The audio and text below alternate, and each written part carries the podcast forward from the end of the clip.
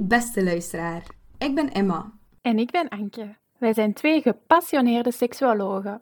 En wij kregen het gekke idee om een podcast te starten over seks, relaties en intimiteit. Jullie mogen van ons elke tien dagen een nieuwe aflevering verwachten. Waarin we zullen proberen taboes te doorbreken en jou te informeren. Klopt helemaal, Emma. En heb je vragen of suggesties voor ons? Stuur die dan gerust door via ons e-mailadres seksualiteit.hotmail.com. Of slide in onze DM's op Instagram. Je kan ons vinden onder de naam Seksualiteit, geschreven als in tijd van het uur. En deel ons gerust, hè. daar maak je ons erg gelukkig mee. Klopt. En voor nu, heel veel luisterplezier.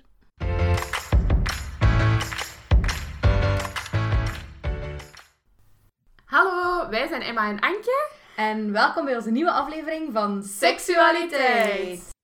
En dag iedereen. Ja, het is vandaag een speciale aflevering. Het is een eh, cross-episode, om het zo te zeggen. Uh, want het kan zijn dat je momenteel deze episode beluistert via het kanaal van Seksualiteit of via het podcastkanaal van Binnenste Buiten. Uh, want we laten ze vandaag alle twee eens samenkomen. Want mijn naam is Rick en ik zit hier niet alleen.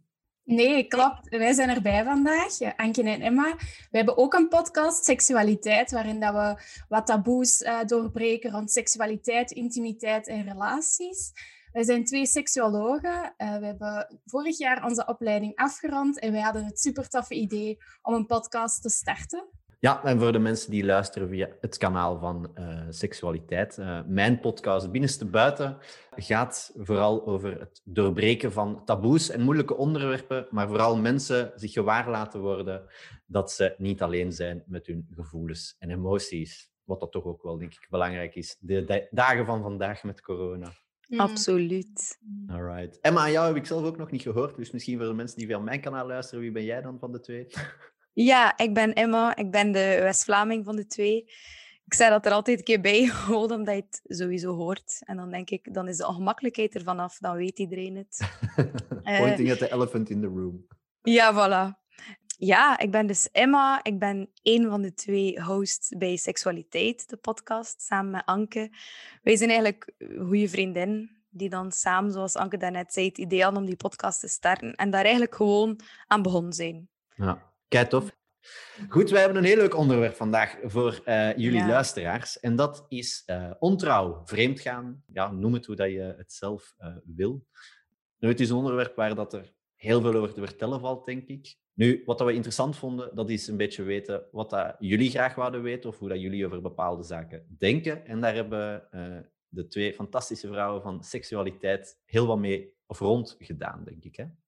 Ja, wij proberen eigenlijk sowieso voor de meeste van onze aflevering wel wat interactie met onze volgers op Instagram dan vooral te bekrijgen. Omdat we het wel belangrijk vinden om te weten wat dat er leeft en wat dat, ja, de mensen die ons volgen willen weten en interessant vinden en wat dat hun mening is, zodat wij daar kort op de bal op kunnen inspelen. Dus we hebben een poll gedaan op Instagram, waarin dat we eigenlijk wat aftoetsen naar wat vinden mensen nu ontrouw of wat vinden ze bedrog of, of ja, waar ligt die grens? Want er bestaat geen eenduidige definitie in de zin van ontrouw, dat is als je uh, seks hebt met iemand buiten je partner. Ja, mensen in een open relatie kiezen daar soms voor, dus dan kan dat ook al niet gezien worden als bedrog of ontrouw. Dus die definitie vonden wij heel dun en, en ja, onduidelijk, wat vaag. Dus ja, wij zijn dan, wat... Dan, dan niet alleen, denk ik. Ik denk dat het ook interessant is, omdat je heel veel mensen ver, verdraaien ontrouw ook altijd met seks, seks met, met Ja. iemand anders dan uw partner. Maar het kan heel vaak mensen die bijvoorbeeld eh sms'jes sturen met iemand anders zonder dat er iets gebeurt, dat dat eigenlijk ook al ontrouw is. Eh, Klopt, daar sla je echt wel de nagel op de kop, want dat was ook een van onze vragen. Hè. Ja, want dat was denk ik de eerste vraag zelf dat wij gesteld hebben van ehm, vind je het vreemd gaan als je partner berichten stuurt met iemand anders en dat verbergt? Nu, wel even schetsen dat dat allemaal van die, van die Instagram polls zijn, dus dat is ongenuanceerd. Hè. We hebben Ja. heel vaak berichtjes gehad van dat is situatieafhankelijk, maar toch hebben we echt wel heel veel reactie gehad daarop. En op die vraag van vind je het vreemd gaan? Misschien Rick, moet hij eerst een keer antwoorden. Vind jij het vreemd gaan als je partner berichten stuurt met iemand en dat verbergt? Dat is op zich denk ik niet vreemd gaan, of toch naar mijn mening niet, maar het duidt wel aan dat er iets serieus misloopt in uw relatie, volgens mij. Mhm. Als je al, hangt denk ik ook af van de inhoud van, het soort, van de berichtjes. Hè, wat voor Ja. content over, is het seksueel of emotioneel getint? Of zijn het gewoon vriendschappelijke berichten, maar verbergt hij het omdat hij of zij weet hoe, hoe jaloers dat je bent als partner? Of, eh, dat, dat komt ook heel vaak voor. Maar ik denk sowieso vanaf dat je iets ver, verbergt voor je partner, of dat nu die berichten zijn of iets anders, dan klopt er al iets niet. Dan, dan zit er al iets, iets fout. Eh, wat dat zeker aanleiding kan geven tot vreemdgaan, volgens mij. Eh, Mhm. Dus ik snap dat daaruit wel ruzies ontstaan. Felle ruzies ontstaan. Ja, Eh, Ja.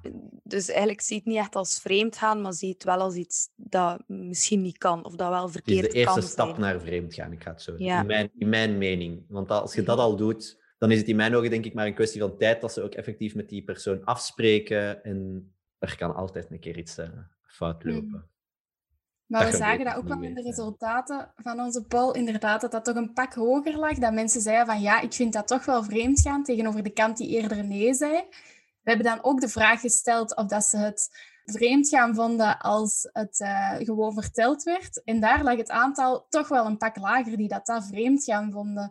Dus ik denk die component van geheimzinnigheid en het, het stilhouden, het, het verbergen, dat dat dan sneller beschouwd wordt als vreemd gaan. Dus wacht, hè, als ik het goed begrijp, dat wanneer dat, ze, eh, dat je wel stuurt met iemand, maar dat je, partner dat weet. Ja, Ja, dat je Ja. er openlijk over communiceert tegen Ja. je partner. Maar dat is dan denk ik vooral, ja, zoals ik er juist al zei, vooral die content, eh, de inhoud is, is daarin denk ik heel belangrijk. Want ja, goed, kunt jij zeggen dat je met iemand stuurt? Ja, oké, eh, ik stuur ook met mensen, maar het hangt af wat dat je stuurt.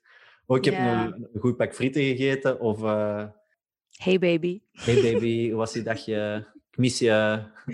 Ja, ja, ja. Heel kinderen, maar nu voel ik mij terug op 16 jaar. eh. Ehm, ik zo, ik zo.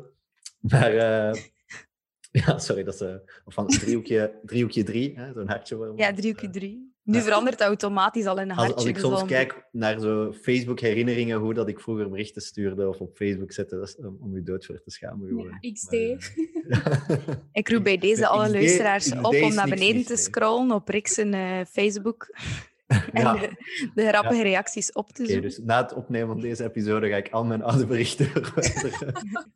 mijn vrienden maken daar een sport van, hè? om zo met Facebook naar beneden te gaan van tien jaar geleden en dat dan allemaal te screenshotten voor ik het wegdoe.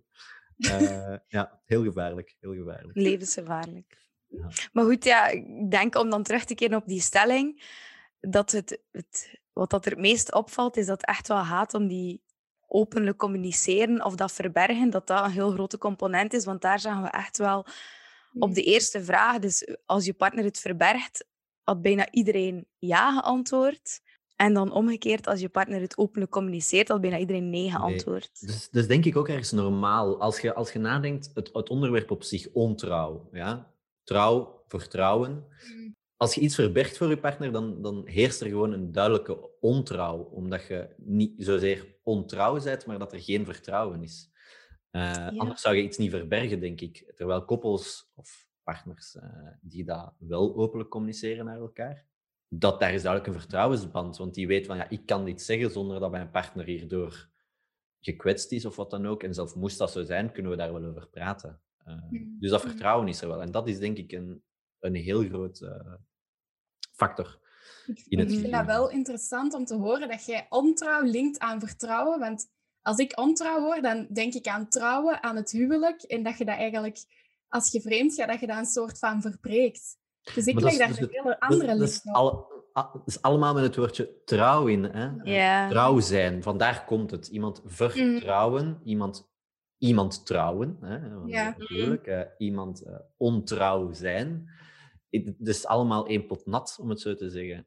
En, en ik denk dat dat, ja... Maar dat is wel het interessante eraan, denk ik. Alles komt eigenlijk neer op vertrouwen. In, zeker in relaties, eh, wanneer er ontrouw is. Ja. Maar ik denk dat dan vooral de, de, de belangrijke vraag is in die stelling ook, waarom? Waarom verbergen ze dat, eh, berichtjes of dit Ja. of dat? eh?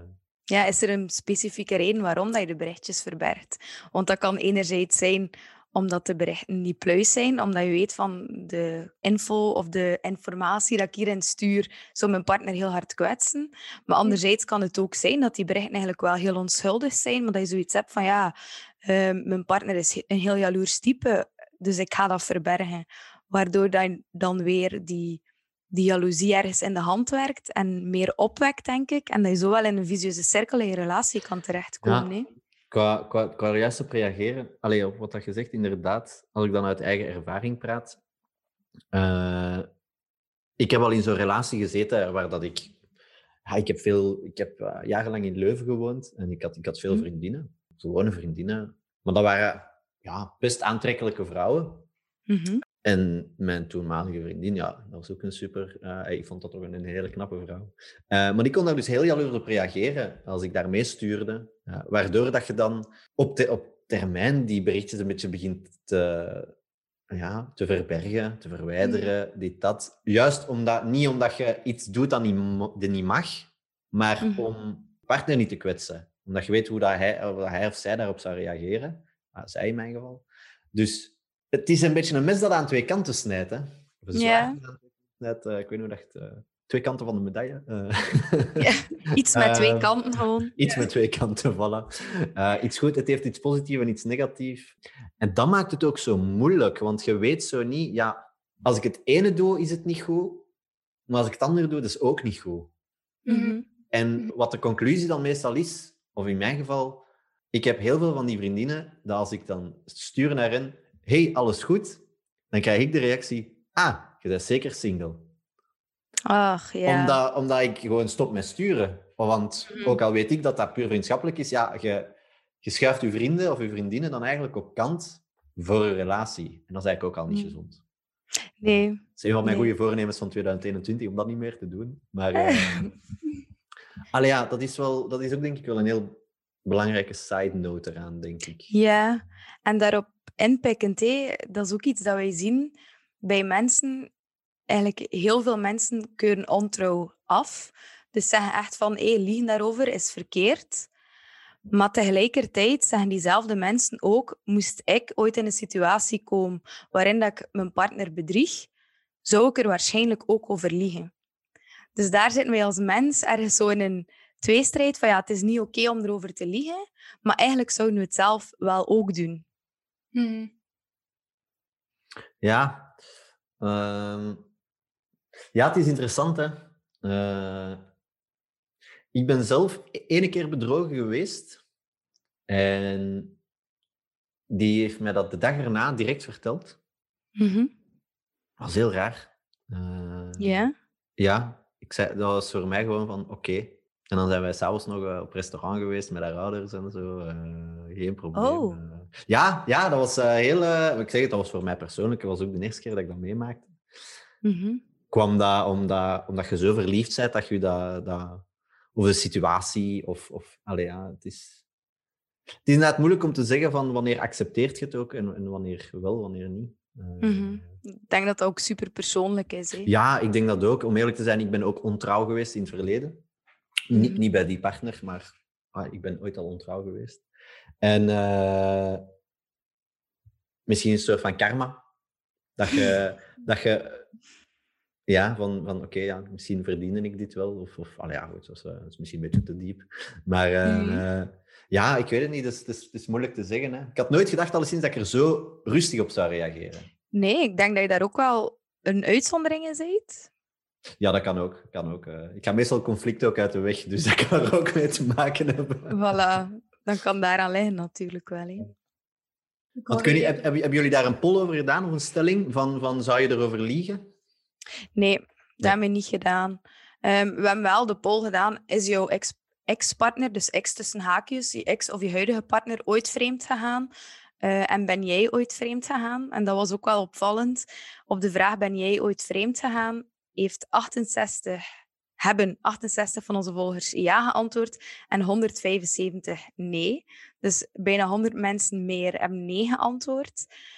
Terwijl is jouw ex-partner ooit vreemd gegaan, heeft wel 105 mensen hebben, zeg, 105 mensen ja gezegd en 136 nee. Dus we zien wel dat in onze poll dat er ook meer mensen zeggen ja, ik ben ooit bedrogen geweest. En meer mensen zeggen nee, ik heb nooit iemand bedrogen. Maar dat is, dat is ook typisch, denk ik, om, om vooruit te komen. Van waar komt je voor, voor uit? Eh, Ja. Mensen gaan rapper toegeven dat ze al bedrogen zijn geweest, dan dat ze zelf al bedrogen hebben. Omdat ik denk dat het typisch is aan de mens om, eh, dat is een beetje dat, dat instinct, om, dat overlevingsinstinct eigenlijk, om altijd zelf positief voor te komen en jezelf positief voor te brengen en te dragen. En dat dat heel veel. Uh, ik, ik, geloof dus eigenlijk niet dat die cijfers correct zijn, bijvoorbeeld. Als mensen mm. zeggen. Mm. Ze weten ook dat het niet volledig anoniem is, denk ik. Mensen weten dat jullie dat natuurlijk kunnen zien. Mm, ja, uh, klopt. Ja, want het is ook nog steeds heel zwart-wit, hè? Het is nog steeds degene dat het bedrag pleegt, wordt ook nog wel gezien als de dader. En die ja. is, wordt ook wel effectief gezien als het slachtoffer, zonder dat je de context voor het bedrag effectief mee hebt. Hè? Mm Het is dat, het is, het is heel, inderdaad situatiegewijs, want ja, ik weet niet hoe het zit met, met jullie luisteraars, maar bij ons bij Binnenste Buiten bijvoorbeeld, uh, ons, onze leeftijdscategorie van onze luisteraars ligt ongeveer tussen de 18 en de 35 jaar. Ja. Uh, dus ongeveer onze generatie, om het zo ja. te zeggen. Ik denk dat jullie ongeveer mijn, mijn leeftijd hebben ook. Um, en daar merk je ook gewoon dat vreemdgaan in een heel andere context ook gebeurt. Dat gaat dan meestal over feesten, uitgaan en uh, alcohol. Hè, wordt heel vaak ook als excuus gebruikt, want het is echt een excuus. Uh, maar denk ik een van de meest gebruikte excuses om vreemd te gaan. Ja, en dan maakt het daarom geen heldig excuus. Hè? Ja, daarom. Want de situatie kan ook heel, heel anders liggen. Uh, ik heb bijvoorbeeld... Ik ken iemand en uh, die heeft, is jarenlang de, samen geweest met iemand. Terwijl mhm. dat die andere persoon, die, die, had, al, die had een partner. Uh, die had al het huisje, tuintje, oh. kindje. Uh, maar die relatie ging gewoon zo slecht dat, dat, dat, zij dus ja, bij hem is terechtgekomen. Eigenlijk is dat bedriegen. Hè? Uh, wat, wat dat mhm. zij doet. Hè? Maar als je dan de situatie kent, en ja, ik zie het dan ook vanuit de andere kant, het andere perspectief. Mhm. Ja, kijk, ik denk, top, want nu, nu, binnenkort gaan ze trouwen en zo. Dus alleen, dat, is, dat, is, wel een mooi verhaal als je het zo mhm. bekijkt. En het was ook gewoon een hele slechte relatie. Ja. Um, maar ja, dat is wel inderdaad de keerzijde ervan. Soms is het niet iets slecht. Uh, nee. Kent je de situatie ook niet. En het hangt denk ik vooral ook af van wie dat je het hoort. Voilà, ik ging net zeggen, moest hij nu de broer zijn van haar ex-partner, zou ditzelfde verhaal niet zo mooi zijn nee zoals ik nu kan vertellen. Hè? Nee, dan zou het echt zijn, oh ja, en die vuile tuut, tuut, tuut. Ja, ik ja, wel de ja. tuut, want uh, ik ga zo'n woordenschap niet gebruiken, maar uh, ja, het is, het is allee, dan, je ziet dat heel anders. Hè. Uh, ja. Mm. Ja. Nou, ik wou wat inpikken op wat je eerder zei, hè, zo met dat feesten en zo. Er zijn dus drie componenten die de kans op bedrag vergroten. Um, dat is de toegankelijkheid, de gemakkelijkheid. Dus zoals dat je zegt, ja, Allee, je drinkt wat en die een drempel verlaagt. En anonimiteit is ook een hele belangrijke. Mm En het zinnetje van what happens in, stays in. Dat is effectief zo. Hè? Dat je niemand als kent. Je, ja, als je op voetbalweekend of zo zei en je gaat uit met iedereen en je belooft van alles wat hier gebeurt, dat gaat niet mee naar huis. Mm Op wat weekend? Voetbal. Voetbalweekend? Bijvoorbeeld. Ken ik niet. Of balletweekend. Of ah ja, oké. Een voetbalweekend. Ah. Dus een heel weekend voetballen. Nou, misschien daarmee dat ik het niet ken. ah, dat is bij ons echt wel heel bekend. Dat zijn zo de meest schunnige weekenden. ah ja, oké. Ja. ja. ja, Nee, maar ik snap wel wat je bedoelt. Dat is waar. Omdat je dan in een, een, een, een omgeving bent van... Ja, hier kennen ze mij toch niet. Of hier kennen ze mijn partner niet. Kan er geen link gelegd worden. Mm, ja. Maar dan moet je toch wel je vrienden vertrouwen daarin, denk ik. Ja, maar dat is een soort gedeeld pak, dan, hè? Zoals Loft. Zoals de film Loft. Dat is allemaal een appartement delen. Nooit Loft gekeken? Nooit gezien. Ah ja, dus dat is een, een makelaar en die heeft een appartement, de Loft. Hè? Uh, In Antwerpen, mooie loft. En daar, uh, iedereen krijgt een sleutel van zijn vrienden. Hè, maar ze moeten niks zeggen tegen de vrouw. En daar kunnen ze dan, als het een keer uitkomt, kunnen ze iemand meenemen naar daar. Ah, oh, oké, okay, op die manier. En dan gebeurt er een moord en zo. Maar goed, dat, dat, zo, zo, loopt het in het echte leven niet altijd natuurlijk. Maar goede film om te kijken. Hele goede film van Erik van Looy. Uh, Oké, okay, goede tip. Even filmtip tussendoor. Ja, dat moet kunnen. uh, moet, moet kunnen, moet kunnen. -hmm. Nee, maar ja, ook dan, om even weer helemaal terug te keren naar onze eerste twee stellingen, dus uh, van de sms'en. En mij dan daarna de stelling gegeven van, vind je het vreemd gaan als je partner iemand kust waar je bij bent? En ook de stelling als je partner iemand kust waar je niet bij bent. En waar dat we in het eerste een heel groot verschil zagen eh, bij die sms'jes tussen het openlijk communiceren en het niet, zien we hier, als het dan effectief gaat over kussen, dus over iets lichamelijks, dat dat contrast veel minder groot is. Mhm. Hier zien we ook dat meer mensen zeggen dat het niet bedriegen is als je er zelf bij bent, maar dat er toch nog altijd veel meer mensen vinden dat het wel bedriegen is. Net zoals dan als je er niet bij bent, ja, dan vindt bijna iedereen dat het bedriegen is. En zijn er veel minder mensen die vinden dat het niet bedriegen is. Maar er zijn er ook nog altijd. Dus Ja. er zijn zeker relaties waarin dat er afspraken zijn dat dat kan. Nu goed, als je alle twee daar comfortabel bij voelt, des te beter. Maar ik vind het wel opmerkelijk dat wanneer dat echt gaat over dat kussen, over iets fysieks, dat het, het geheimelijke precies minder doorweegt. Ja. Mhm. Goh, ja, dat is denk ik ook normaal. Ehm, Mhm. Er is gewoon, het, het gebeurt. Eh, het is niet, misschien stel dat, het is gewoon, ja, dieper, mijn partner of iets, heeft iemand anders gekust. Hè, Mhm. of, of wat dan ook. En ik zou dat zelf ook als bedriegen zien. Nu, weer al contextgewijs natuurlijk. Hè. Ik heb ook al op, op een feestje dat wij onnozel aan het doen zijn en dat ik een vriendin gewoon mwah, een kus op de mond geef, eh, met daar een partner bij of zo. Maar goed, dat zijn mensen dat je al heel je leven kent. eh het is gewoon heel duidelijk dat dat om te lachen is of vriendschappelijk. Als ze dan een keer raar kijken, dan geef ik aan die jongen ook een kus bij wijze van spreken om het goed te Ja, maken. maar inderdaad, ik kan me wel inbeelden als je uit aan het gaan bent. Ik weet niet hoe dat, hoe dat voor jullie is, maar ik zou daar niet mee kunnen lachen, denk ik. Het zou direct met ruzie naar huis gaan zijn. Als je zo'n pin bier vast hebt. Ja, dat is gewoon een clash. en wat ik dan het meeste dingen vind, ik zou, mij, ik zou zijn op die een andere. Allee, dat hangt ook van, van context af. Hè. Want het, het verhaal dat ik er juist deed, van, hè, dat, ik, dat ik ene keer bedrogen ben geweest, eh, was ook gewoon met een kus. Allee, ja, goed. Hè.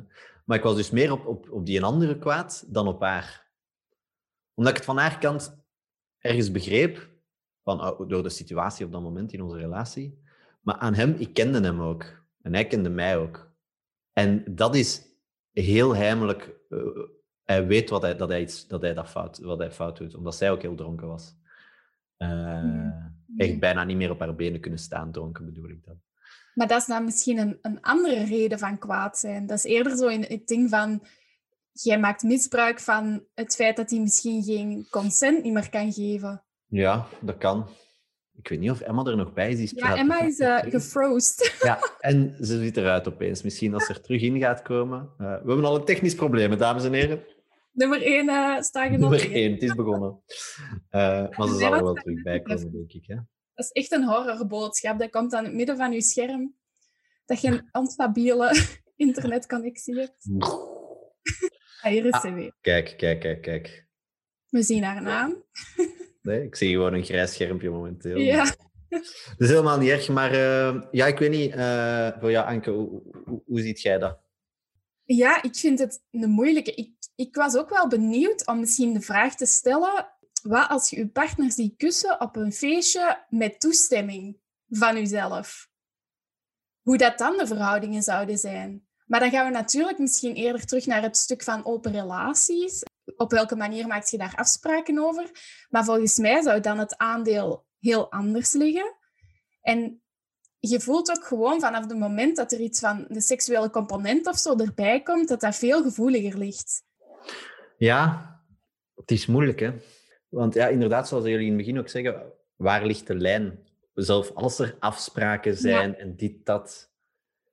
Het, het, het, het beestje dat denk ik overal komt kruipen, ertussen komt gekropen, dat is jaloezie. Ook in open relaties en zo, volgens mij. Ehm, Ja, in open relaties moet je nog meer afspraken maken die dat je anders in een ja, duidelijke afspraken. Want, want allee, als je eh, bijvoorbeeld, je, je spreekt af om, om, om een trio te doen, bijvoorbeeld. Ah, kijk, die eh, Emma is terug.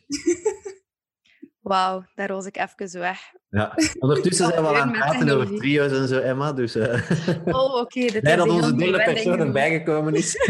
Ja, ik voel mij zeker welkom nu. ja, perfect, perfect. Nee, maar wat ik bedoel is, is in, eh, dat je als je niet de juiste afspraken maakt of dit, dat, dat zoiets ook heel, heel fout kan lopen. Zeker als je, dat, ik, als, als je die vraag stelt van zou je ooit een, een trio doen? Wat denk ik toch ook loopt bij, zou je ooit vreemd gaan, dit, dat. Hè? Zeggen ze ook Mhm. altijd van, van, ik zou dat doen, maar niet met, met mijn partner. Mhm. Ja, dat is iets dat je vaak hoort, hè. Omdat Ja. dat juist gewoon echt puur zou zijn, volgens mij, om de, de seksuele ervaring. Maar als je dan het, het, het emotionele erbij hebt, want ja, je partner zit erbij, dat is iets heel Het is delicaat, hè. delicaat. Ja, Het kan eigenlijk zelf ook bijna een blik zijn of zo, die, die dan plots verkeerd overkomt. Dat je als partner van denkt, oeh, waarom kijkt mijn partner nu op die manier naar die derde persoon? ja. Eh, Terwijl langs de andere kant heb je... Maar goed, dat is dan natuurlijk weer van, van wat dat mensen seksueel leuk vinden, natuurlijk. Maar ik ken ook verhalen van... niet mensen dat ik persoonlijk ken, maar verhalen van mensen die dat... Ah, hey, eh, zie jij het zitten om met mijn vriendin seks te hebben? Terwijl dat ik kijk. ja, dat, ja, ik doe nu van, oh, dat is kei raar. Nou, voor het, al de gemiddelde persoon is dat ook een beetje raar, denk ik. Maar ja, dat is ieder zijn, zijn seksueel verlangen en zijn fantasie of haar fantasie. Als ik dat dan hoor, dan denk ik van, oh, ik zou dat, ik zou dat, dat, je, daarna, dat je dat wilt. Ik, ik zou dat Mhm. niet kunnen daar naar kijken of wat dan ook. maar ik denk dat wij daarin als seksoloog een beetje eh, bevooroordeeld zijn in de zin Ja. dat wij niks opmerkelijk of raar vinden. Dat dat, ja, dat dat zeker vragen zijn dat wij ook al gehoord hebben en ergens Ja, mee vertrouwd zijn. Maar dan snap ik ook dat je zegt van dat, dat, dat je niks raar vindt. Dat- Ik vind dat uiteindelijk ook niet raar. Zoals ik zeg, iedereen heeft zijn of haar eigen ding. Maar dat zijn ook van die momenten dat je dan toch zei van ja, ja hoe voelt je daarbij uiteindelijk? Oké, je Mhm. vindt dat op dat moment misschien seksueel heel geil, om het zo te zeggen, en, en, Ja. en, en, eh, opwindend. Maar dan daarna vind je dat dan nog, ja, als je ziet op de manier dat je partner daarvan geniet, misschien, of, of ja, kun je daar ook niet emotioneel slecht bij voelen, denk ik dan. Ja, ik denk dat dat heel veel persoonsafhankelijk is. Hè? Ja, zoals bij Dat dat heel veel met jezelf te maken heeft, met wie dat hij zijt, of dat hij dat moeilijk vindt, of net niet. Mhm. Ja, ik denk Ja. dat dat heel moeilijk te veralgemenen is. Mhm. Want eh, allee, je hebt dan mensen die dat fijn vinden, eh, om te kijken naar hoe dan de partner seks heeft met iemand dat niet hij zelf als partner zijt. Maar dan zien we ook in onze poll bijvoorbeeld dat 74 mensen ja geantwoord hebben op de vraag: vind je het vreemd gaan als je partner fantaseert over iemand tijdens het vrijen? Dus en dat gaat hoeveel dan procent? 74 mensen. Vindt dat en vreemd gaan? Ja, en 161 vinden dat niet vreemd gaan. Maar toch 74, ja, dat zijn wel redelijk wat mensen die Hm. vinden dat dat vreemd gaan is. Hoe weet je Dat dan denk dat ik je niet. partner over iemand anders fantaseert? Dat weet je enkel als je partner het vertelt. Dat Ja, is iets wat dat al. die drie factoren dat Anke net zei heeft. Hè. Dat is heel toegankelijk, het is anoniem en ik weet niet meer wat dat de derde was even. Ja, Maar fantasie heeft die, al die factoren. Hè. Mhm. Maar dat toont wel, ja, 74 mensen vinden dat vreemd gaan. Terwijl dan ook 50 mensen het niet vreemd gaan vinden als hun partner iemand kust waar dat ze bij zijn. Dus dat toont wel dat de definitie van vreemd gaan of van ontrouw, dat dat zo persoonsafhankelijk en verschillend is. Hè? Mhm. ja. Ja, ik ben er nu zo even over aan het nadenken van, heb ik dat zelf ooit al gedaan? Eh, het is altijd interessant om zelf ook eens bij stil te staan, vind ik. Mhm. Eh, Ja, zelf even over Ja, het is heel persoonsgebonden, denk ik. Hè. Dat is, is, is weer al de reden, denk ik, van, van waarom doen mensen dat. Eh, de- ik denk dat dat misschien ook iets is. Ik kan daar volledig fout in zijn, dat gaan jullie veel beter weten dan ik. Maar kan het ook niet zijn dat bijvoorbeeld fantaseren over iemand anders, dat dat meer voorkomt bij oudere mensen dan bij jongeren? Dat denk ik niet per se. Of niet per se? Mhm. Het zijn daar heel weinig cijfers over, ook omdat het onderzoek daarnaar opnieuw ook heel moeilijk is, Ja. omdat dat dan weer zodanig in de privésfeer is. Het heeft denk ik ook vooral te maken met aantrekkelijkheid. Fysieke aantrekkelijkheid tot elkaar. Goh, ik weet het niet zo goed. Ik denk dat mensen ook... Je kunt ook bijvoorbeeld fantaseren over een scène in porno dat je gezien hebt. Of over iets niet seksueel dat je wel seksueel opwint. Dus je kunt over heel veel verschillende dingen fantaseren. Ja, en ik ja. vind het heel anders als je partner fantaseert eh, over je buurmeisje. Ja. Of over de BV... ehm, Mhm. Ja. oh, het, het BV-model. Dat is iets helemaal anders. En sommige mensen hebben die fantasieën ook gewoon nodig om te kunnen genieten van seksualiteit. En dat heeft al weinig te maken met wie dat je partner is. Dus op zich, ja. Maar Ja, ik is snap ook dat dat voor veel Maar mensen is dat vreemd gaan? Goh. Dat is, dat is al. Dat is, mensen zeggen, zeggen daarop, denk ik, ja, van dat is vreemd gaan. Niet zozeer omdat ze dat zien als vreemd gaan. Dat is mijn mening, hè. Maar Mhm. uit, dat kringt je ego gewoon enorm. Voilà. Dat heeft eigenlijk niks met vreemd gaan te maken. Dat is gewoon, ja, je, dat maakt u ten eerste kei onzeker. En dat kringt je ego zo hard. Dus dan zeg je maar, ja, dat is vreemd gaan. Om de schuld eigenlijk bij die persoon te leggen. Omdat je anders Ja. het gevoel hebt dat je de schuld bij jezelf legt. Ik Ja. denk dat de, dat de overlap er gewoon in zit van dat is dezelfde gevoelens die opgeroepen worden bij het feit van vreemd gaan. Ja, Ja, exact. wat je eerder zegt, zo van... dat je je minder waardig voelt voor Ja, voilà. Ik denk dat de reactie eerder hetzelfde is, maar dat het wel een andere... Dat het een minder zware lading krijgt dan vreemd gaan. Ja. Hetzelfde als, als, als ze van, van dromen over iemand anders. Dat je in een droomt dat je seks hebt met iemand anders, bijvoorbeeld. Ja, dat heb je ook totaal niet in de hand. Hè. Nee, en je kunt ook, ook dromen dat je seks hebt met iemand dat je totaal niet aantrekkelijk vindt in het Ja. echte leven. Dat kan, Mhm. hè. De meeste dromen zijn bedrogen. Ja, gelukkig nog tot nu toe zijn de meeste dromen bedrog. Nee, maar dat is want dat ook over dromen. Allee, wat mij dan te binnen schiet, is, eh, is er is een aflevering in How I Met Your Mother. Onze luisteraars, de leeftijd kennen, zullen heel wat mensen dat misschien toch gezien hebben. Eh, maar daar is er een koppel, Marshall en Lily. Dat is echt het droomkoppel in die serie. Ja. En dan is er een aflevering dat eh, Marshall wakker is en Lily is aan het slapen in de zetel. En ze droomt over dat ze seks heeft met een andere man. Mhm. En hij wil weten wie. En altijd als ze, dan wordt ze heel rood, dus dan houdt hij zo'n kleurkaartje van dat rood zo naast haar, als ze bij die persoon is. En dan gaat het over, over een seksdroom dat ze gehad heeft met Ranjit, eh, de taxichauffeur Ja. die ze vaak eh, nemen. Totaal haar type niet, denk ik, qua aantrekkelijkheid. Maar het, hij wordt niet jaloers. Hij denkt van, dat is normaal, schat, want Ranjit is een hele goede papa. En wij gaan een kindje krijgen. En dat is wat dat u daar zo in aantrok. En dat is dan zo het, het, het mooie moraal van het verhaal dan wel. Eh, ja, dus ja, dromen ja, en, en, en fantaseren, in mijn mening is dat denk ik niet vreemd gaan. Dat is, is, ook, dat is onschuldig ook. Zolang het Mhm. daarbij blijft, is dat, voilà. is dat heel is, allee, harmless, om het zo te zeggen. Eh, Ja. Nu, die 50 mensen die gezegd hebben dat ze dat wel vreemd gaan vinden, gaan daar misschien ook wel een heel goede persoonlijke reden voor hebben. Nee, gaan Ja, misschien ook wel vinden. Of die 74 waren het er. Sorry, ik ben weer al gemist. Dus op zich, ja, er zullen wel misschien goede redenen zijn van die mensen uit. Tuurlijk, iedereen heeft zijn mening daar ook over. Laat dat Voilà. duidelijk zijn. We praten ook alleen maar over onze eigen meningen. eh standpunten. Dat heeft eh, niks met andere mensen hun eigen ervaringen te maken, natuurlijk. Dat het even duidelijk is voor de luisteraars. Ja. Ja. Ehm, en wat was er nog, wat was er nog een, eh, een interessante poll? Ik denk eigenlijk dat de meeste van onze ja-nee-polls gezegd zijn. Alleen dat van Ehm. eh, porno kijken misschien nog, Emma. Ah, ja, juist. Emma en ik Ah. werken dus in hetzelfde documentje, altijd als voorbereiding. En eh, Emma had het verkeerd ingezet en ik schrok zo ontzettend hard. Ze had het dus ingezet dat 236 porno kijken als bedrag zien. En ik viel echt van mijn stoel. Ik dacht, oei, zoveel. En toen viel mijn frank, dat gaat sowieso omgekeerd zijn. Ja, Dus tien mensen vonden het wel bedrag als hun Hoeveel? partner porno kijkt. Tien. Tien, Tien mensen. mensen. Ja, en Ja. 236 vinden het geen bedrag. Ja, dus 10 mensen van wel en 236 van niet. Ja, dat lijkt Ja. mij... Ja, het is ook iets... Porno, het is ook iets, denk ik, veel meer ingeburgerd dan pakt 10, 20 jaar geleden, volgens mij. ja. Het is overal, hè. Ja, en, en vroeger was dat iets dat alleen mannen deden. Een vrouw die porno kijkt, wie, hè, wat voor een vrouw Ja. is dat nu? Maar de dag van vandaag is dat het de meest normale zaak van de wereld. Eh, ik vind het Mhm. soms wel raar als mensen daar nee op zeggen, van ik kijk geen porno. Ja. Dan gaat er bij mij een belletje rinkelen direct van, hm, zeg je van niet? Of is het echt zo? Ja. Ik, Ja. ik zat dus op de trein met vrienden en we waren zo met een paar jongens en dan in, in het dingen naast ons waren meisjes, of een Mhm. meisje, eh, ook een vriendin. En die zei van, eh, ja, maar mijn vriend die doet dan niet, ze porno kijken.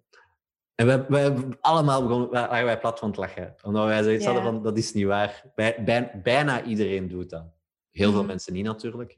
Eh, hoeft ook niet. Maar het is iets dat zo vaak gebeurt, denk ik. Eh, Ja. Maar anderzijds vind ik het ook het recht van een persoon om dat Mhm. als iets heel privé en persoonlijks te houden en te zeggen van, "Ga, ik wil dat eigenlijk niet delen met mijn partner, dat ik naar porno kijk of naar welke porno. Of, allee, ik snap ergens ook Ja. dat mensen dat voor zichzelf willen houden. Ja, Dat kan ook ik, iets- ik, ga mee, ik ga deels mee in wat dat je zegt. Ik ga mee in het, eerste deel, eh, in het deel van welke porno dat je kijkt. Dat je dat niet doen. Omdat dat is dan... Als je denkt porno, internet, er zijn... Je kunt alles, maar echt alles zien en vinden online. Van de meest normale dingen tot de meest out-of-the-box eh, zaken. Eh, en dat je dat voor je eigen houdt, dat vind ik denk ergens nog wel normaal. Eh, maar het feit van porno kijken op zich, ja, is dat iets om privé te houden? Pff, volgens mij doet zo goed als iedereen dat. Dus ik, ik, dat, dat is zo'n taboe. Je weet dat iedereen het doet, maar toch praat je er niet over. Toch is dat. Terwijl iedereen seks heeft en seks leuk. Ah, zo goed als. Hè. Ja, maar ah, wel, zie, nu hangt er eigenlijk al een bepaalde norm aan vast. Hè? Want iedereen kijkt porno en het is niet normaal als je geen porno kijkt. Dat hebben we in onze eerste aflevering ook veel besproken. ehm, dat aan heel veel dingen van seksualiteit een norm hangt. Eh, Mhm. en dat is dit, in dit geval ook weer. Dat komt zo regelmatig terug ook. Ja. Ja Ja. en nee. Ik, ik snap wat dat je bedoelt, maar ik denk dat dat vooral een, een manier van perceptie is. Hoe dat je iets opvat. Want jij zegt nu, je hangt er een norm aan. In, in mijn ogen niet, omdat mijn bedoeling van voor dit soort onderwerpen aan te halen, is juist om het te normaliseren. Of dat jij nu porno kijkt, ja of nee. Het gaat erover dat dat normaal moet zijn. Dat dat Mhm. niet iets is waar, dat je, waar een taboe rond zou moeten hangen. ja. Maar dat geldt voor, voor alles in seksualiteit, vind ik. Ja, en niet alleen in seksualiteit, rond heel veel onderwerpen. Maar het, het, het gaat er in, in, in mijn ogen gewoon om, of je nu porno kijkt of niet, of dat je vreemd gaat of niet. Om, om het even, want we zijn nu al heel neig naar porno aan het gaan. Het, het, het, moet, iets, het moet meer genormaliseerd worden. Ik denk Mhm. dat wel heel typisch is zo in de eerste beginfases, wanneer je aan het daten bent of iemand leert kennen. En je stelt vragen aan elkaar. En de vraag komt, ja, heb jij ooit al je partner bedrogen? Mhm. Ik durf er te wedden dat, dat drie op de vier mensen daar gewoon over liegt. Hè? Ja. Eh, of, of over het aantal bedpartners, of, of weet je. Dat zijn zo van die, die zaken waar dan mensen standaard over liegen. Ja. ja. Mensen En- zijn daar totaal niet open Ja, over. terwijl ik ben daar meestal heel eerlijk in over die zaken. En daar word ik dan een beetje op afgeschoten. Mhm. Terwijl ik in mijn eigen denk, ja, wat, moest, hadden nu liever iemand gehad die al van date 1 of date 2 tegen u zou beginnen liegen. Ja, Ik voilà. heb ook mijn leven gehad, hè. eh, Ja. Doordat je iemand nieuw leert kennen, ik bedoel... Ja, Ik en daar word je op afgeschoten. Ja. Ja. En dat zorgt er dan voor dat je eigenlijk weer in de hand werkt dat mensen daar meer over gaan zwijgen. Want ze zien in mijn Voilà. omgeving worden er mensen op afgerekend. En zo ja, zitten wij daar in onze maatschappij een beetje in vast. Ja, het is, Als je eerlijk het bent- vreemdgaan is een vicieuze cirkel. Hè? Of toch het, het verzwijgen, niet verzwijgen. Dat, is, Mhm. dat is eigenlijk... Dat is het probleem, het taboe dat er rond hangt. Doordat je daar niet mocht voor uitkomen, vind ik, hè. Doordat je er eigenlijk continu over moet liegen dat je iets fout gedaan hebt, dat je je eigen fouten niet mocht erkennen, Mhm. dat het, dat, het, dat, dat blijft. En dat, dat blijft voor ontrouw zorgen, omdat je nooit 100% vertrouwen hebt in iemand. Nee. Dus ja. Wa- wa- Want wat hadden jullie nu gezegd? Jullie hadden nog een paar goede tips en zo, dergelijke, eh, of weetjes. Misschien tips om vreemd te gaan, dat gaan we misschien niet... eh, Dat gaan we niet... eh, Ja, nu ja. Ik had eigenlijk nog een vraag voor u, want ik heb u al een paar keer in de aflevering horen zeggen van de waarom is heel belangrijk, maar ik vroeg mij af, wanneer is het voor u gerechtvaardigd? Gerechtvaardigd? Of wanneer is het voor u begrijpbaar wanneer iemand vreemd gaat? Hadden mij dat zes jaar geleden gevraagd, of, of, of tien jaar geleden gevraagd, had ik u daar een heel antwo- ander antwoord op gegeven als nu. Ehm, maar het antwoord dat ik er nu op zou geven, eh, het is nooit gerechtvaardigd. Daar zou ik dus tien jaar geleden een heel antwoord, ander antwoord op geven. Maar wat, eh, ik ben zelf al vreemd gegaan en wat ik daaruit geleerd heb is, eh, het is de moeite niet. Mhm. Je, je zet eigenlijk een, een pracht van een relatie op het spel voor dat uurtje plezier. Ja. En ja, dat is, dat is iets dat je altijd spijt van hebt. Elke keer. Zeker als het uitkomt. maar Ja. ook als het niet uitkomt. Het gaat erover... ehm, ja, het hangt ook van persoon tot persoon af. Je hebt zo'n narcistische mensen of, of mensen die, die, die- Mm. zo, met zo weinig empathie, die dat echt zonder problemen doen, ook zonder hun daar slecht bij te voelen. Maar als je vreemd gaat, in mijn ogen, daar is een reden voor. En het feit dat je eerst vreemd gaat voordat je dat probleem aanpakt of oplost, of gewoon de relatie beëindigt, ja, daar gaat je gewoon de fout in. Want Kloot, oh, sorry, nou, ja, sorry, ik ga het zo zeggen, Ja. niet alleen jezelf, je kloot vooral, vooral die andere persoon. Want het is die andere persoon dat het door u Mhm. emotioneel veel moeilijker gaat hebben in een volgende relatie. Ja, Eh, met vertrouwen en dit en dat. Dat is iets dat ik ook zo ja, geleerd heb uit ervaring. Of in dezelfde relatie, hè? Of in Ja. dezelfde relatie. Ja, maar ik...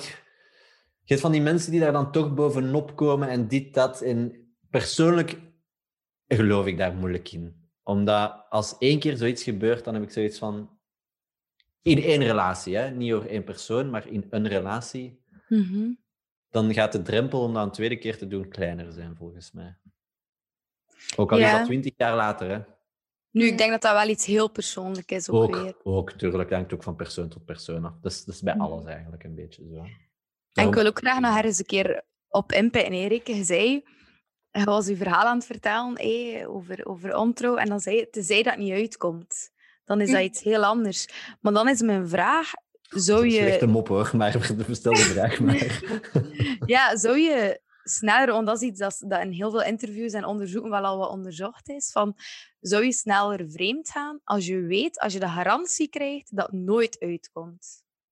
Dat hangt van persoon tot persoon weer af. Maar over één simpel feit, hoe die persoon zich voelt daarbij.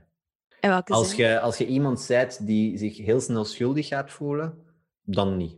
Dan gaat dat niet zo Mhm. rap gebeuren. Maar als je iemand bent die dat heel makkelijk kan wegsteken of opzij kan schuiven, dat gevoel, en er is in een kistje op slot in zijn, zijn dingen weg, ja, 100% volgens mij. Ja. Omdat, zoals, eh, eh, zoals dat Anke hier juist ook zei, je hebt die anonimiteit. En ja, dan is dat uurtje plezier en je, en je, je, je zet niks op het spel.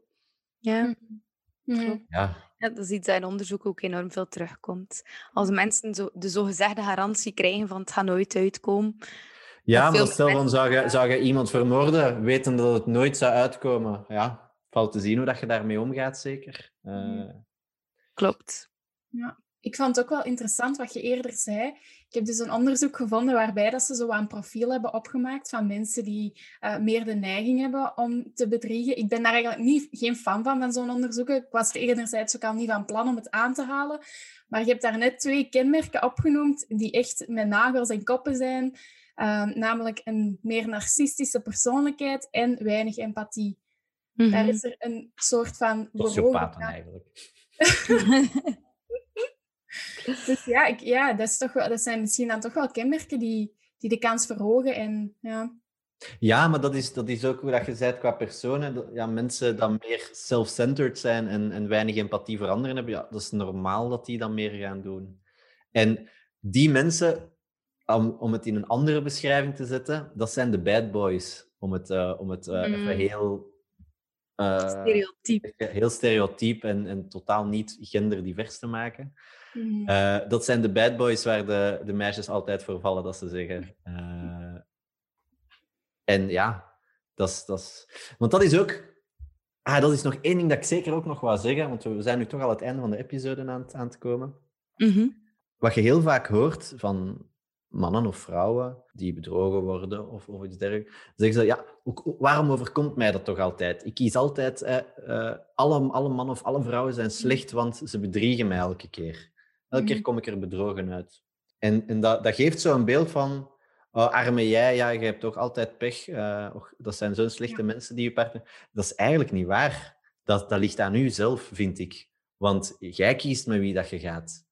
Jij Ja. hebt die, die, die, die keuze in handen eigenlijk, omdat je voor een bepaald type persoon gaat, die dan meer aansluit bij de minder empathisch, de meer self-centered, de meer hard to get. Eh, eh, we weten de dag van vandaag dat het allemaal niet meer waar is en dit, dat. Maar als we heel eerlijk zijn, in mijn mening, komt het daar toch wel heel vaak op neer. Uh, en dan, dan, dan gebeurt dat soort zaken. En, en dan, door elke keer, je hebt elke het gevoel dat je altijd een, relatie, de, een slechte relatie hebt, omdat die personen zo doen of zo zijn, maar dat is omdat je dat soort personen opzoekt. Ja, maar anderzijds is het ook wel zo dat door de ervaring dat je in je verleden al hebt, door wie dat je eigenlijk vandaag de dag bent geworden als persoon, dat je ook een voorkeur hebt voor een bepaald type andere persoon. Dat je eigenlijk door de manier, allee, dat gaat over opvoeding en gelijk welke ervaring ja, ja, ja, tuurlijk. heeft, maakt u tot, allee, maakt u verliefd op de persoon waarop dat je verliefd wordt. Ja.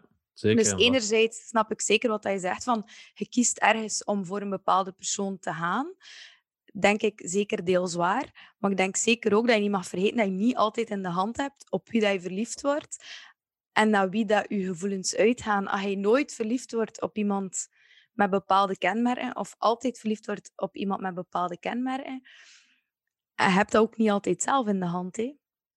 En dat maakt u niet schuldig, vind ik, aan de persoon dat je kiest dat is zo'n keuze, ja, dat is een beetje het geheim van de liefde. Waarop word je precies verliefd? Je kunt een blaadje met tien eigenschappen mm. die je zogezegd aanspreken en dan op het einde van de dag verliefd worden op iemand helemaal anders. Ja, maar dat is liefde, compatibiliteit. Uh, dat is dan ook weer een heel, andere, een heel ander verhaal, een heel andere discussie, dat we zeker na de episode nog kunnen voeren. Uh, ja. Daar heb ik ook mijn bepaalde gedachten over. Ja, ik, heb, ik weet niet hoe dat komt, maar voor sommige dingen heb ik altijd zo'n bepaald gedacht en dan is dat toch zo...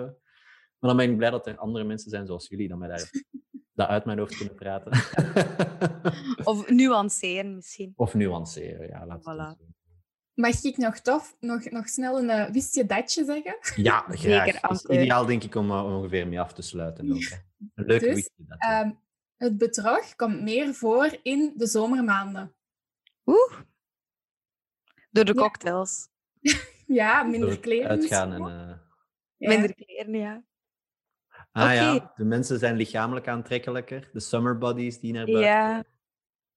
Ja, ik denk dat seizoensgebonden wel heel veel doet. Want ik denk dan inderdaad in de wintermaanden dat er dan heel, heel weinig gebeurt. Omdat, dan zijn het feestdagen, dus dan moet je iemand hebben. Het, zijn, het is koud en dingen, dus er gebeurt ook niet veel. Ik merk ook zelf als single zijnde dat de wintermaanden de moeilijkste maanden zijn om te daten.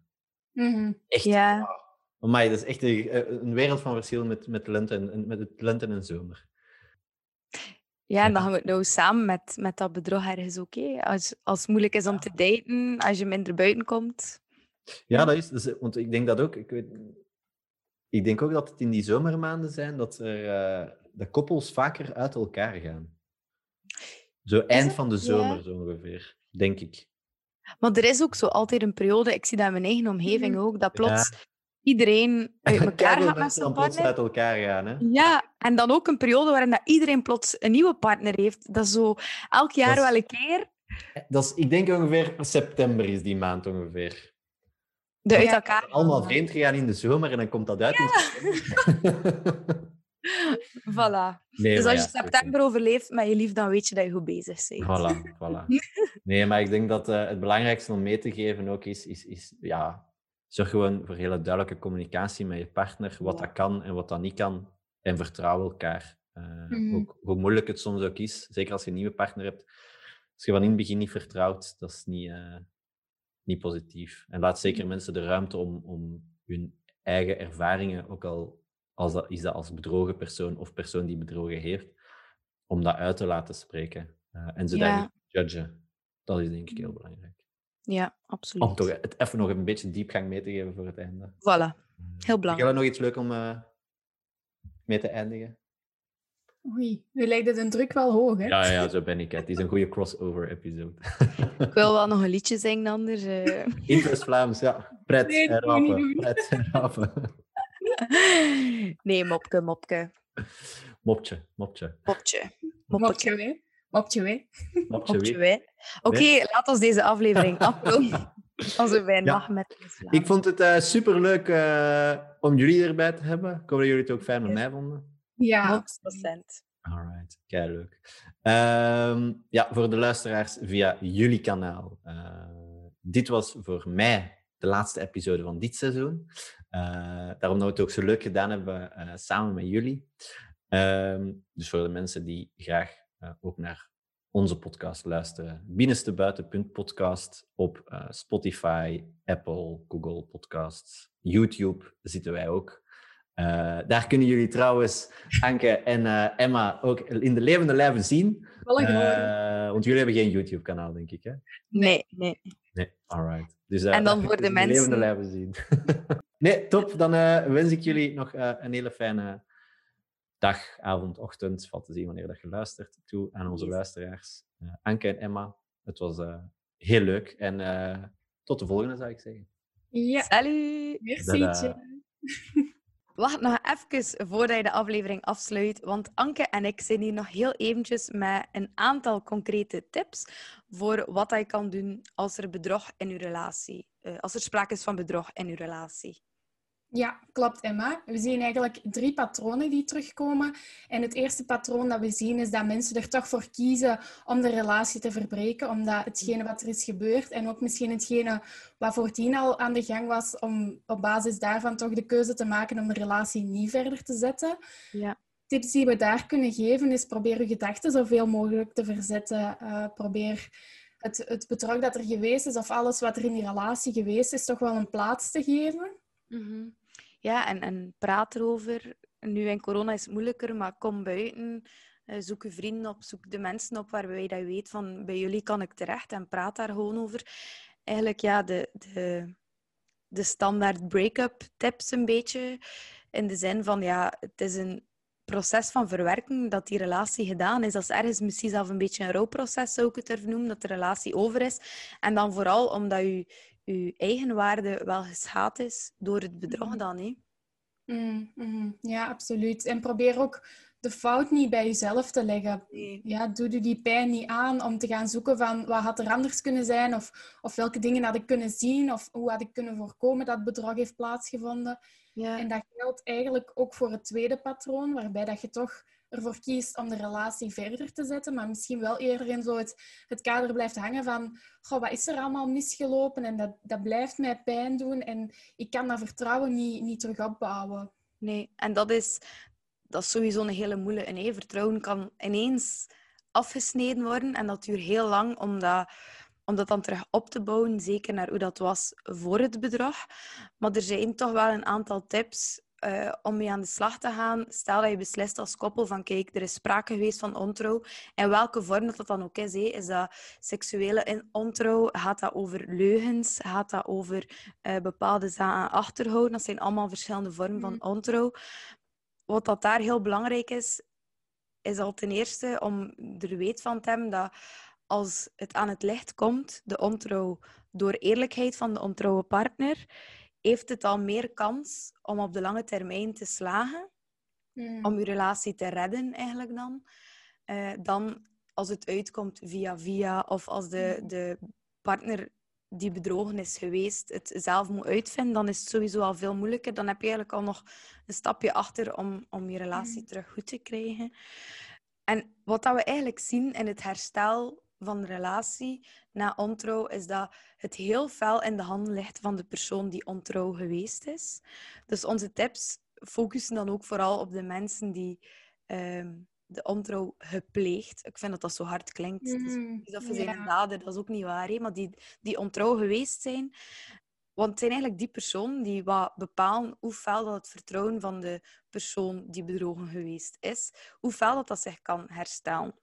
En het eerste waarin dat we, wat dat we daarin zien, is eigenlijk een, um, ja, een beetje een methodiek van Janice of Janis, of ik weet niet hoe dat ik hem uitspreek, maar laten we nu zeggen, ik ga het Engels zijn. Janice Abrahams Spring. En dat noemt de overdracht van waakzaamheid. En dat is eigenlijk iets waarin dat we zien dat dus de persoon um, die is vreemd gegaan, de taak op zich neemt om er eigenlijk voor te zorgen dat het gebeuren dat dat niet vergeten wordt. Want dat is iets dat we zien. Het, het slachtoffer ga ik het nu noemen. Dus de persoon die bedrogen is geweest, wil heel fel weten wat er gebeurd is, wil heel veel duidelijk maken aan die andere persoon van ja, maar ja, ik ben hier niet vergeten wat dat je gedaan hebt. En dat is iets wat dat jaren kan duren, maanden, jaren kan duren. En in die overdracht van waakzaamheid neemt de ontrouwe persoon het eigenlijk op zich. Eerlijk te zijn en nu en dan dat weer een keer op te brengen. Niet in de zin van het pijnlijke, maar eerder in de zin, stel je zit op restaurant samen een jaar nadat de, nadat de affaire of het ontrouw is geweest. En je ziet aan je partner van, mijn partner vraagt zich af of dat ik hier gezeten heb met die andere persoon, met de derde. Dan kan het aan u zijn als, als bedrieger om te zeggen van, kijk, ehm, ik ben hier met die persoon geweest, het spijt mij zeer. En daar heel even op in te gaan, zodat die andere persoon weet van, oké, je bent dat ook nog niet vergeten. Mhm. En, en opnieuw excuses aan te bieden, want dat is belangrijk dat je die houding aanneemt. Dat je heel fel de verantwoordelijkheid neemt voor je eigen daden. Dat je weet, ik ben de persoon die een misstap heeft begaan, dus ik ben de persoon die het in handen heeft of dat goed komt of niet. En we zien ook dat de persoon, het slachtoffer dan, altijd dat heel fel in leven wil houden, ik dat net zei, maar ook heel fel de neiging heeft om vragen te stellen. Soms heel gedetailleerd, hoe Ja. pijnlijk dat die vragen ook zijn, te zeggen van, ja, en ben je maar daar naar daar geweest? Heb je haar hand vastgehouden? Heb je haar daar gekust? Heb je dat? Heb je dat? Heb je dat?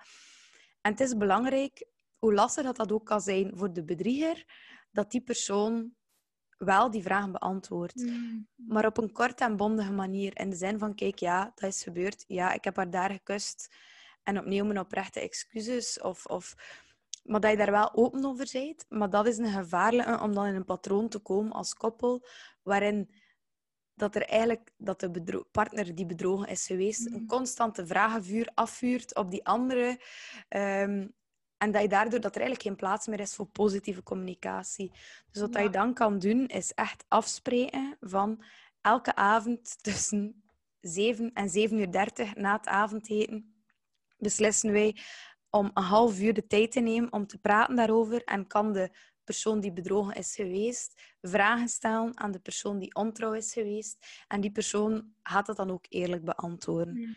En dat is een hele belangrijke, dat je dan eerlijk bent, dat je dan niet ook nog een keer de kans laat om betrapt te worden op een leugen, want dan ja, kan je eigenlijk zeggen dat al je kansen waarschijnlijk wel verkeken zullen zijn. Mhm. Maar je moet, je moet eigenlijk als andere partner constant terug door die pijn, hè? terug door die pijn van die details. Wat is er allemaal gebeurd? En ik denk inderdaad dat dat wel een goede methodiek is, maar dat dat ook voor sommige mensen gewoon ook heel pijnlijk kan zijn. Absoluut. Zeker ook mensen die zich wat visueel kunnen instellen. Ehm, ik kan me echt wel inbeelden dat je dan met zo'n vragen echt de pijn opzoekt. Maar ik denk ook wel als je daar eerlijke antwoorden op krijgt, dat je dat op een bepaald moment ook wel gaat kunnen afsluiten. Ja, vroeg of laat. En dan heb ik zoiets van ja, het tempo van de traagste volgen. Hè. Mhm, mhm. Ja. En dan, dan heb ik ook nog een, een belangrijke tip voor de persoon die bedrogen is. Mhm. Echt, die ontrouw heeft u gekrenkt in uw eigen waarde en in uw zelfwaarde. En het is echt belangrijk om dat terug te herstellen in de zin van kleed u op, maakt u mooi, ook al heb je geen zin, en gaat erop uit met vrienden of vriendin. Ga een keer gaan eten met iemand die je al lang niet meer gezien hebt. Doe iets voor jezelf. Verzorg jezelf goed. Laat uw nagels een keer doen. Of, of laat uw haar een keer knippen. Of ga gewoon naar de kapper om te genieten van de hoofdmassage, bij wijze van spreken. Gewoon eh, zorg voor jezelf. Los van je partner ook. Hey, zorg, zorg voor je relatie. Maar zorg ook voor jezelf. Want dat is echt belangrijk. Je gaat de neiging voelen waarschijnlijk om dat niet te doen. En jezelf naar de achtergrond te schuiven. En te denken dat je niet waard bent. Want dat je partner je bedrogen heeft. Maar je Mhm. bent echt waard. Je partner heeft u ook heel lang heel graag gezien. En ziet u nog, waarschijnlijk nog altijd heel erg graag. En, en je bent geen afgekeurd persoon. Het is gewoon een deel van u dat afgewezen is. En je bent geen slachtoffer, al ben je wel slecht behandeld geweest. En ergens zijn je ook geliefd en gewaardeerd Mhm. en gekoesterd door andere mensen, zijnde uw partner of ook mensen die niet uw partner zijn. Maar ik vind dat echt een hele belangrijke. Ja. En dan, Ja, en... ja, zeg maar. Oké, dan daaraan gelinkt heb je zo een uitspraak van Viktor Frankl. Ik weet niet of je hem kent. Nee. Dat is een eh, overlever van de Holocaust. Ah ja. En die heeft gezegd, en dat is iets dat mij altijd zo is bijgebleven, die zegt, je kan een mens alles afpakken, echt alles op één ding na. De laatste menselijke vrijheid om zelf te bepalen hoe dat je gedraagt onder bepaalde omstandigheden en zelf je eigen instelling te kiezen. Dus mensen kunnen je zoveel kwaad aan doen en kunnen je zo onrechtmatig behandelen, maar je hebt nog altijd in de hand hoe dat je Mm. zelf reageert en hoe dat je eigen ingesteldheid is. Ik vond dat zo mooi gezegd. Dat is weer een quote voor op onze Insta-pagina. Is weer een voor op de Instagram. Ja, en ik, ik denk dat dat ook, ons ook wel brengt naar het derde patroon dat we zien. In sommige relaties, nadat er bedrog is geweest, komt er een heel nieuw leven in die relatie. Mensen gaan reflecteren naar hetgene wat er misschien niet zo goed liep van tevoren. Zoals dat, ik hoor u zeggen van, neem tijd voor uzelf. Ook dat, hè, dat in uw relatie van tevoren. Misschien waren jullie als koppel te, ver, ja, te verbonden, is misschien veel gezegd, maar heel veel verbonden met elkaar. Wat maakt dat dat zoveel pijn deed, dat, dat uw partner u bedrogen heeft? Neem maar afstand van elkaar. Probeer terug dat evenwicht te herstellen ehm, dat er misschien lang geleden was, maar voor het bedrog niet meer. Ehm, en eh, Esther Perel, ja, daar zijn wij allebei gigantisch fan van. Die Ah. noemt eigenlijk de fall-out fase. En dat wil dus eigenlijk zeggen, je moet gewoon door alle piep, eh, ja, ik mag het woord zeggen, voordat het beter kan worden. Dus Mhm. jij moet eerst door al die miserie, door al die zware gesprekken met je partner, om nadien toch terug die heuvel op te klimmen en terug Ja. nieuw leven in de relatie te kunnen blazen. En misschien hoger te eindigen op de heuvel dan dat je ooit al gestaan hebt. Nu, het is geen oproep om je partner te bedriegen om je relatie beter te maken. Nee, maar het is wel heel mooi gezegd, vind ik inderdaad, van Esther Perel. Ik ben zo fan. Esther, Ja. als je ooit luistert, mag je ons zeker contacteren voor een koffietje. Please. Please, please, please. Oké.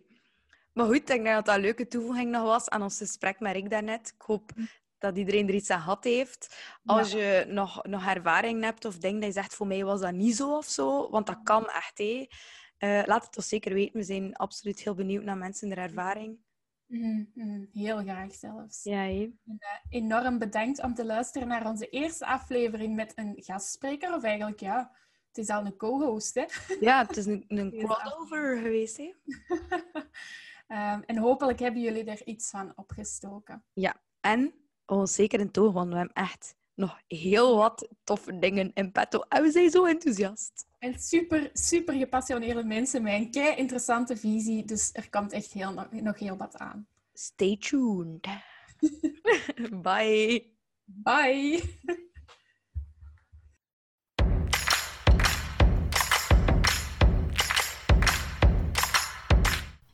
Hey, hier zijn we nog even, hè. Om nog snel te zeggen dat als je vragen of feedback hebt, je ons zeker nog mag contacteren.